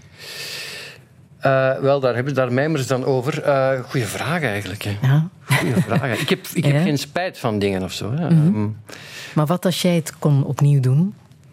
Zou jij voor dezelfde liefdes kiezen? Ja, dat denk ik wel. Maar ik denk, ik denk de, dingen, de dingen overkomen je voor een stuk. Hè. Je maakt natuurlijk fouten en je, en je, en je, je, je, je trekt een spoor van liefde en tegelijkertijd af en toe ravage op je pad. Ehm, maar ja, ik heb van niks spijt daarin. Het raakt jou, hè? Als ehm, mensen, artiesten, ehm, bekende mensen praten over hun eigen gebroken gezin. Gert Verheijen bijvoorbeeld, die ergens in een tv-programma zei... scheiden is een egoïstische keuze, dat is iets dat bij jou blijft haken. Of Anteresa de Keersmaker, die ook in een interview vertelde over haar gezin... dat op de, lippen is, eh, de klippen is gelopen door, door haar werk, liefde, gezin, carrière. Het is een moeilijke combinatie. Herken jij je daarin? Jawel, dus ik heb ook met Anne-Theresa voor het boek... Ik heb haar lang ehm, gevolgd, we hebben veel gesproken, onder andere ook daarover. Ehm, en die zin van Gert Verrijen stelde ik mij ook vragen bij, inderdaad. Omdat hij op een bepaald moment in een interview zei... een scheiding is sowieso een egoïstische keuze. En dat is het ook. ehm, Voor jou ook? Jawel, maar je moet toch eh, jezelf de vraag stellen op een bepaald moment... of, of die keuze, eh, de waarachtige keuze, niet de keuze dan is die je, die je moet maken. En of, Want jij bent of- twee ja. jaar geleden gescheiden, hè? Ja, ehm, drie jaar bijna. Maar, of, of, de, of, de, of het, eh, maar natuurlijk, dat, dat weggaan, dat is zo, zeer intens natuurlijk. Omdat je iets in gang zet dat heel veel mensen ehm, raakt, betrekt, die daar niet om gevraagd hebben. En waar je niet op voorbereid bent. Nee, nee, waar je je niet op kan voorbereiden. Dat is het, je denkt op een bepaald moment natuurlijk dat zoiets een, een beslissing is, een eindbeslissing, maar het, is een, het zet zoveel dingen in gang die je niet... eh, die je moet loslaten, die je moet aanvaarden. Je moet aanvaarden hoe eh, mensen daarop reageren. En dat doe jij op stoïcijnse wijze, schrijf je. Nee, je leert daarin. Hè. Je leert eh stoïcijnse wijze. Eh, ja, ik denk dat ik eerder... Ik, ik, ik, ik, ehm, ik probeer... Ik weet, niet, ik weet niet van waar dat komt. Er is mij wel eens gezegd dat je meer moet genieten van als je dingen goed hebt gedaan, als er succes is. Ik ben geneigd om dat nogal snel te relativeren en al verder te zijn.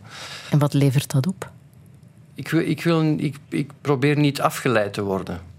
Eh, begrijp je dat? Wat ik bedoel daarmee? Ik probeer de twee te begrijpen, want in jouw liefde voor theater en kunst en literatuur gaat het over emotie en geraakt worden. Ja, ja, maar, Maar voor jezelf doe je het stoïcijns. Ja, stoïcijns, maar ik denk, ik denk dat je dat iets te eng bekijkt nu. Of alleszins bekijk ik het minder eng.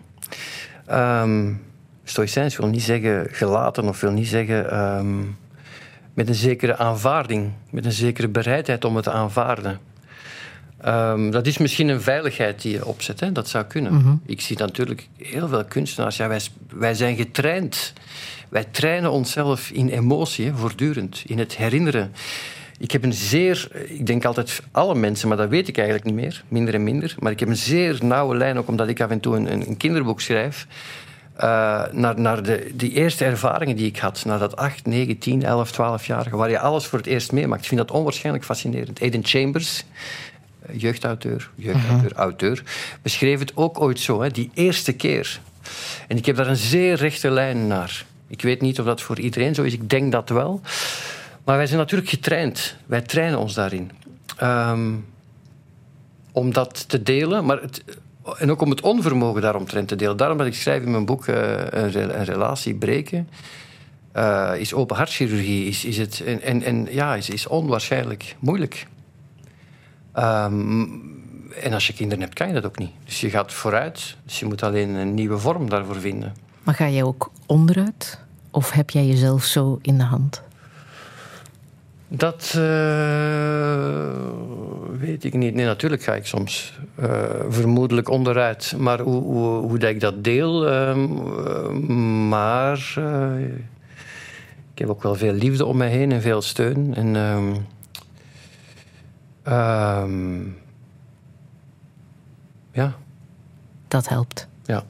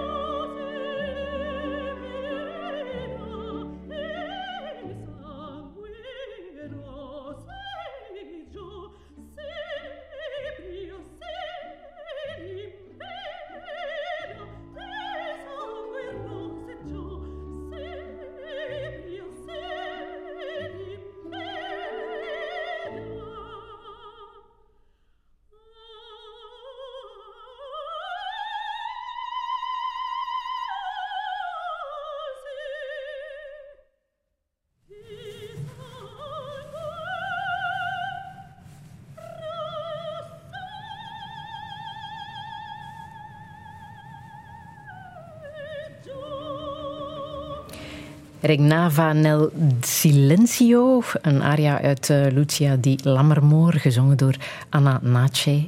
Ehm, Michael de Kok, ook te horen in eh, de KWS-voorstelling, denk ik. Hè? Ja, in Bovary. in, in Bovary zit... eh, Madame Bovary gaat in, de, in het boek van Flaubert gaat, met haar man Charles naar de opera in Rouen. En Lucia di Lammermoor is een opera van Donizetti in eh, 1836 of zoiets. En die speelt daar. En Madame Bovary gaat helemaal, eh, verliest zich helemaal in de romantiek van dat werk. En ehm, Emma Bovary, we hebben het er al over gehad. Hè? De Mhm. doktersvrouw die eh, overspel, sp- eh, overspel pleegt en, en boven haar stand leeft, geen rust vindt in eh, de liefde en het, Mhm. en het leven. Zit er een Bovary in jou, denk je? In- ons allemaal, denk ik. Hè? Maar er, er is iets... eh, of in velen. Er is iets... eh, Nee, ik denk het, ik denk het eigenlijk niet. Maar, maar er is iets... Zij heeft iets onverzadigbaar. eh, dat ze dan opvult eh, door te kopen. Door geld op te doen. Of door eh, liefdes te zoeken. Of door een geïdealiseerd beeld van de liefde. Ehm, een heel... eh, ja, romantisch beeld van dat ze heeft uit boeken enzovoort. Nu, natuurlijk, het is een fantastische roman. De uitvinding van de hedendaagse roman, zeg maar. 1856, Frankrijk, Gustave Flaubert. Maar, dus een man die schrijft over, over een vrouw. Eh, gebaseerd op ware feiten ergens. Maar dus ja, een heel, heel interessante cocktail. Ehm, ik heb die voorstelling gemaakt met Carmen Portacelli. ehm, in een heel hedendaagse versie er eigenlijk van. Waarin, waarin die vrouw vertelt ehm, wat, ze, ja, wat, wat, ze, wat, ze, wat ze nodig heeft, wat ze zoekt en hoe onverzadigbaar ze is. Dat is, dat is iets, wel iets wat ik denk wat vandaag nog heel erg actueel is. Ja. Je bent 50 geworden, hè? Eind vorig jaar. En 50 worden verdraagt wel enige theatraliteit, schrijf je. Hoe was dat bij jou? Dat was... eh, De theatraliteit op je 50 De theatraliteit was ik, dat ik een klein bescheiden feestje had, maar dat ik vooral eh, de, het theatrale waar ik naar in het boek naar verwijs, is dat ik in Chili in de, alleen in de woestijn nieuwjaar ben gaan doorbrengen. Dat ik er eigenlijk was, een dag of zo na mijn verjaardag, dat ik daar een week ben geweest, om de laatste hand aan dat boek te leggen. En ehm, ja, maar alleen in de woestijn je 50ste gevierd. ja, zo alleen da- daar geweest een paar dagen. En ehm, eerlijk gezegd, een goede. Ik ken veel Chileense artiesten dankzij onze samenwerking vaak met, met eh, ehm, Latijns-Amerika. Eh, met artiesten uit Argentinië. Gerardo Salinas, onze dramaturg, goede vriend en lid van de artistieke staf. Samen met Dina Doreman en Cathy van den Bossen. Fantastische mensen, hulde voor hen. Goed dat ik dat hier even kan zeggen, want zij zijn eh, het artistieke team waarmee ik alles kan doen in KW's. Maar dus, er zijn heel veel contacten met, met Latijns-Amerika. En eh, Manuela Infante, met wie ik de metamorfose bewerkt heb, die zei me eens... Want als je naar Chili gaat, Chili is zo lang. Chili is van Noorwegen tot zeg maar Bari. Moet je, als je iets wilt bezoeken, moet je kiezen. Het noord of het zuiden. Het zuiden is Patagonië. eh, waar de pinguïns zijn, waar de, de ieders, ieders verbeelding. En het noorden is de woestijn. En eh, ja, ik heb gekozen om toch eens de woestijn te bezoeken daar, omdat ik, omdat ik dat ander nog wel, weet ik veel, komt ooit misschien nog eens van of niet. Maar die woestijn, mijn goede collega en vriendin Manuela Infante, dus die regisseur, zei me van, als ze, die reist de wereld rond, eh, maakt overal stukken. ehm, en die zei, ja, op, over vijf jaar wil ik misschien stoppen en dan wil ik in de woestijn gaan wonen. En ik dacht, zo, de woestijn wonen? Maar dat kan toch niet? Maar ze bedoelde dus die stad. Dus dat in de woestijn, in die stad wonen, is heel anders dan in de woestijn wonen zoals ik me voorstelde wat de woestijn zou zijn. Dat is een stad dus inderdaad dus in de woestijn. Als je een uur eh, naar één kant rijdt, dan kom je bij eh, plekken waar het min 10 is en kokend water, gijzers uit de grond komen. Aan de andere kant heb je lagunes enzovoort. En die stad, er zijn een aantal mensen aangespoeld. Eh, dat is een laagbouw. Ik zat daar in een hotelletje. Als je op het dak ging zitten waar ik dan 's ochtends zat te schrijven, dan zag je over, kon je over de stad zien. En er hing een soort rust en stilte en een soort einde van de wereldgevoel wel. Een soort ehm, vreemde, een heel jonge stad ook. was niet veel. Hè. Er zijn nauwelijks, nauwelijks geasfalteerde straten. Een heel vreemde, ehm, interessante mengeling van... Ja, nee, de, de tijd leek daar trager te gaan. Was het ook een soort eh, moment van bezinning om net daar je 50ste verjaardag te Jawel. vieren? Ik wist dus, een, daarom dat ik het in het boek ook eh, een theatrale vorm vind. Ik wist, ik ga daar naartoe, ik ga een week vroeger, want ik ging daar een stuk maken. Ik was uitgenodigd op dat festival om eh, Manana es otro país te, een stuk van mij te maken voor dat festival. Ik dacht, ik ga iets vroeger. Ik ga er een week dat boek beëindigen. Ik ga er alleen in de woestijn zitten, met nieuwjaar nota bene. Eh, en ik eh, neem de tijd om, om, ja, voilà, om daar te zijn. Ehm, Ik vroeg jou ooit, hoe hou jij het vol? Op een of andere begin van nieuw seizoen van de KVS, denk ik. En jouw antwoord was zonder nadenken, ik drink niet. is dat waar? Dat, Ja, dat herinner ja. ik mij niet meer. Ja. Eh, eh, Is dat een van jouw geheimen, denk je? Ja, nee, ik dronk vroeger. Ik dronk vroeger, ik vind dat niet zo. Eh, ik dronk vroeger wel, soms te veel. Nooit, nooit zorg. Ja, bon, tot ik het genoeg vond en dan ben ik gestopt. Ehm, en ehm, En het maakt een verschil. ja, maakt een verschil eh, eh, in, in energie, in, in aanwezigheid. In, in, eh, Nu ben ik 50, nu doe ik soms wel eens even yoga ook. Elke dag? Ja, wel, je moet dat eigenlijk elke dag doen. Mijn, mijn, mijn rug begint vast te, vast te zitten onderaan. En ik was in Spanje, dus in Barcelona, en we hadden daar een, een, een, ehm, een choreografe die met ons werkte. En wij deden elke dag een, een opwarming, wat zeer goed is, ook om, om een soort bewegingstaal te vinden. En wij deden elke dag een half uur, drie kwartier, een uur eigenlijk, yoga. En dat was voor mij een openbaring. Omdat eh, een kinesist had al eens gezegd, je moet stretchen. Ehm, Maar ja, maar er waren nu nog wel een hoop idiote artikels het laatste weekend over Bruce Springsteen en over Mick Jagger en hoe, hoe die kwibussen dat volhouden. En dan zeggen die dieet en beweging natuurlijk. Eh, je, je moet niet overdrijven, maar... maar, maar Voor jou is dat niet drinken en yoga. ja, Ah, en het helpt Ja. om een theater te kunnen leiden, om boeken te schrijven, om theater te maken en om vijf kinderen op te voeden. ja. Want daar kruipt ook nog tijd in. hè? Ja, daar kruipt tijd in. Nu, nu, er is de laatste jaren daar wel wat in veranderd. Ehm, in hoe, maar ik heb heel veel contact met mijn kinderen, uiteraard. Ehm, maar dat heeft dus een nieuwe vorm gevonden. Ehm, maar ehm, ja, zeker. Maar, maar de, de dingen, weet je, zoals ehm, op, de, op het album Songs for Drella van Lou Reed, waarin hij het heeft over zijn relatie met Andy Warhol. En daar staat een song op en die zegt: Let's work. Of work. Dat, dat je moet werken om. om Creëren is hetzelfde. Schrijven is een spier. Je, je, moet, je, moet, je moet dat doen, je moet dat onderhouden om, om, om beter te worden daarin. Je moet niet alles publiek maken, maar je moet. Dus je, voor mij is, is de. Ja, je leert dat vak door het te doen. Toen ik begon, dat is ook zo nog een van mijn frustraties in dat. Toen ik begon en afstudeerde en met Pieter Zenaar dus dat theaterduo had, dan reisden wij Vlaanderen rond. En dan gingen wij overal spelen. Wij bouwden zelf op, wij speelden. En soms zat er twintig man in de zaal. En dan vertrokken wij terug en dan zei die programmator: Top, tot volgende keer. En van, vandaag is het ondenkbaar dat jonge mensen nog die kansen krijgen. Maar je leert dat vak door het te doen. Zeg je dat ook aan twee dochters ondertussen die aan de theaterschool Ja, de zitten? derde eh, heeft gisteren toelatingsexamen gedaan. De oudste eigenlijk, die eerst eh, in Spanje gestudeerd heeft, in taal en letterkunde. En die is gisteren ook ergens toegelaten. Dus de twee andere... ehm, Dus je hebt er al drie aan een theaterschool. ja, die, ja, die doen dan toch ehm, wat hun moeder en hun vader eh, hen met de paplepel onbewust heeft meegegeven. Ah, Of die willen dat doen. vijf kinderen. Was dat een bewuste keuze? Ja. Dat is niets wat je plant op voorhand, hè? Nee, zo niet. Maar je wou veel kinderen. Eh, mijn vrouw wou vooral veel kinderen, maar ik heb dat, eh, ben daar met graagte in meegegaan en dat is fantastisch. Wat heb je van hen geleerd, van jouw kinderen? Ehm, ik, ik leer meer en meer van hen. Hè. Dus eh, ze hebben ook het manuscript als eerste. Ik, ik lees hun. dat is ja, een traditie bij ons een beetje in de familie. Ik laat dingen lezen aan mijn vader of aan andere mensen. Of, en, nu aan mijn kinderen. Dat is fantastisch. En mijn kinderen, eh, jonge mensen bij uitbreiding, staan zo vrij in het leven en vinden sommige dingen die voor ons toch zo complex zijn, zo evident. Eh, identitaire dingen, dingen ja. ehm, en eh, zij hebben dat boek gelezen. Het boek voor mij is ook in essentie om. ik kijk terug op die generatie van tachtigers.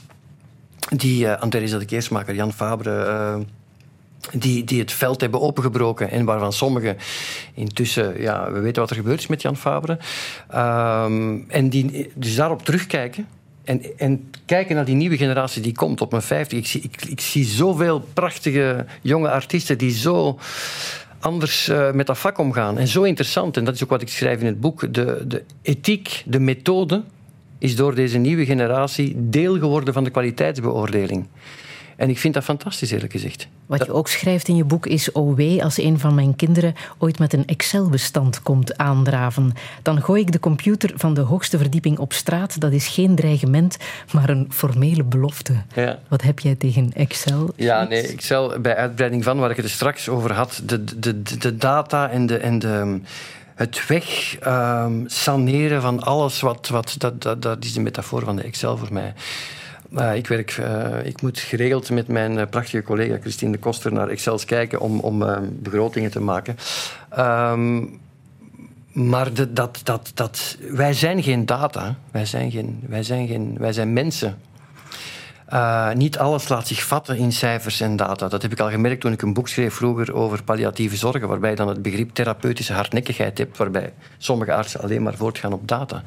Wij zijn zoveel meer. En Excel, Excel is voor mij de metafoor.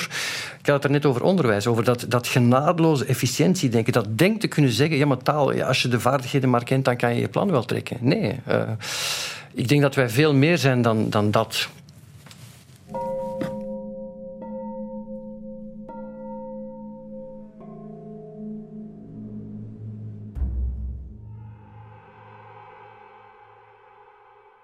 I've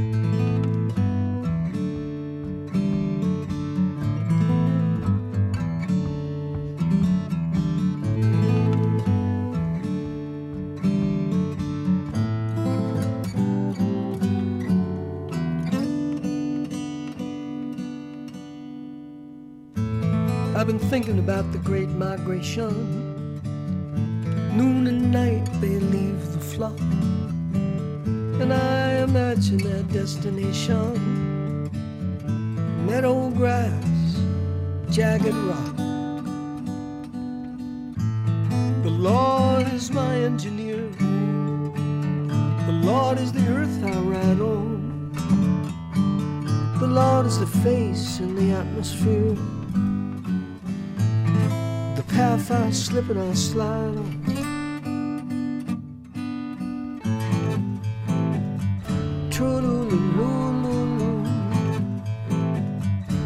Chululu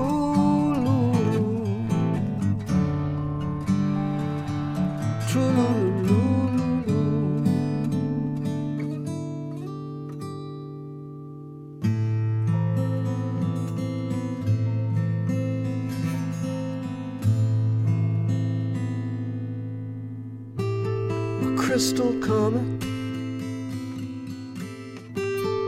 starlit night.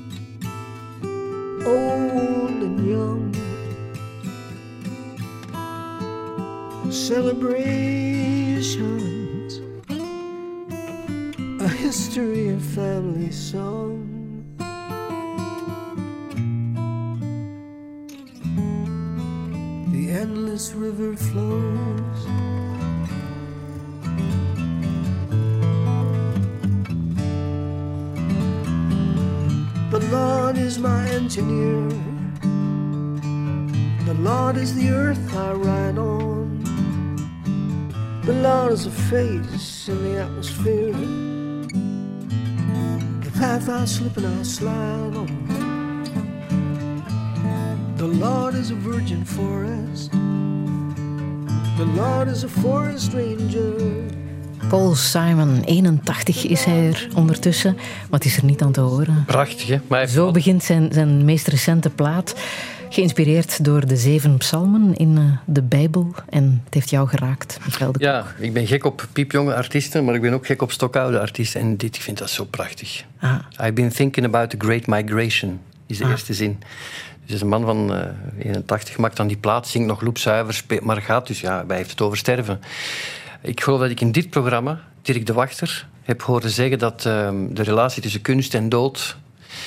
En hij, hij had er een theorie over, zei dat, dat het eh, kwam uit begrafenisrituelen enzovoort. Maar hoe dan ook, los daarvan... We hebben daar, ik heb er straks eh, het Hermetisch Zwart het einde voorgelezen. ehm, waar ik in het boek ook naar verwijs. Rage Against the Dying of the Light van Dylan Thomas. Of het verzoenen. Zo die, die, die platen die Leonard Cohen op het einde van zijn leven nog maakt. Of die, deze plaat. is 35 minuten, één track. En onwaarschijnlijk mooi. En hoe ga je daarmee om met het einde, met de dood? Ja, ik, heb, eh, ik vind dat heel eh, fascinerend. Ik, door ze te proberen in de ogen te kijken. Ik heb ooit, zoals ik dat net zei, er een boek over geschreven... door een jaar op palliatieve zorgen eh, rond te lopen. Je ziet ook mensen om je heen verdwijnen nu en dan. Goeie vraag. Eigenlijk met, met ik denk in mijn geval door heel erg te leven. Maar wel door mij bewust te zijn van het feit dat... dat het, dat, je, ja, dat, het heel, dat het leven ook heel kwetsbaar is en heel. ehm, Dat het plots afgelopen Ja. kan zijn. Wat zou je echt nog willen in het leven? Wauw.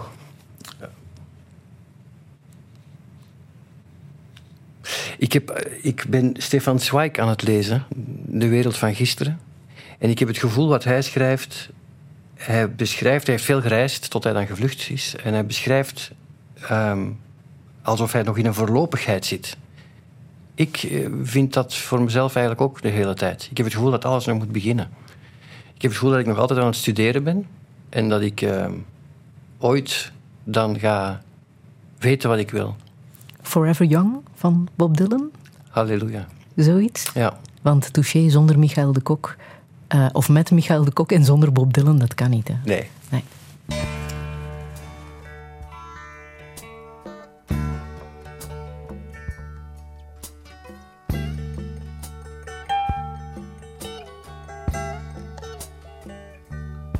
May God bless and keep you always. May your wishes all come true. May you always do for others and let others do for you.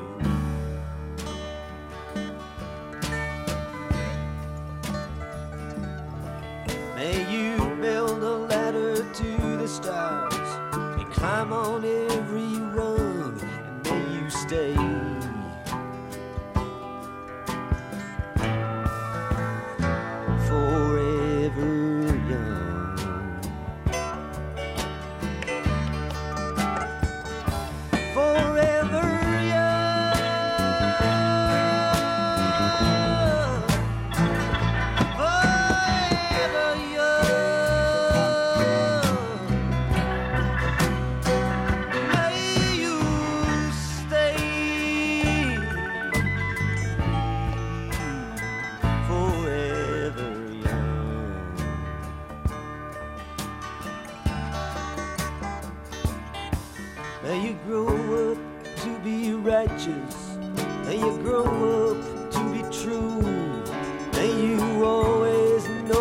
Truth and see the light surrounding you.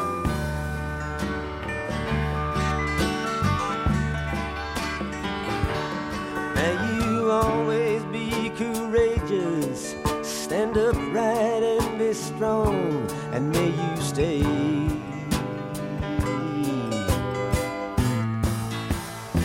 Forever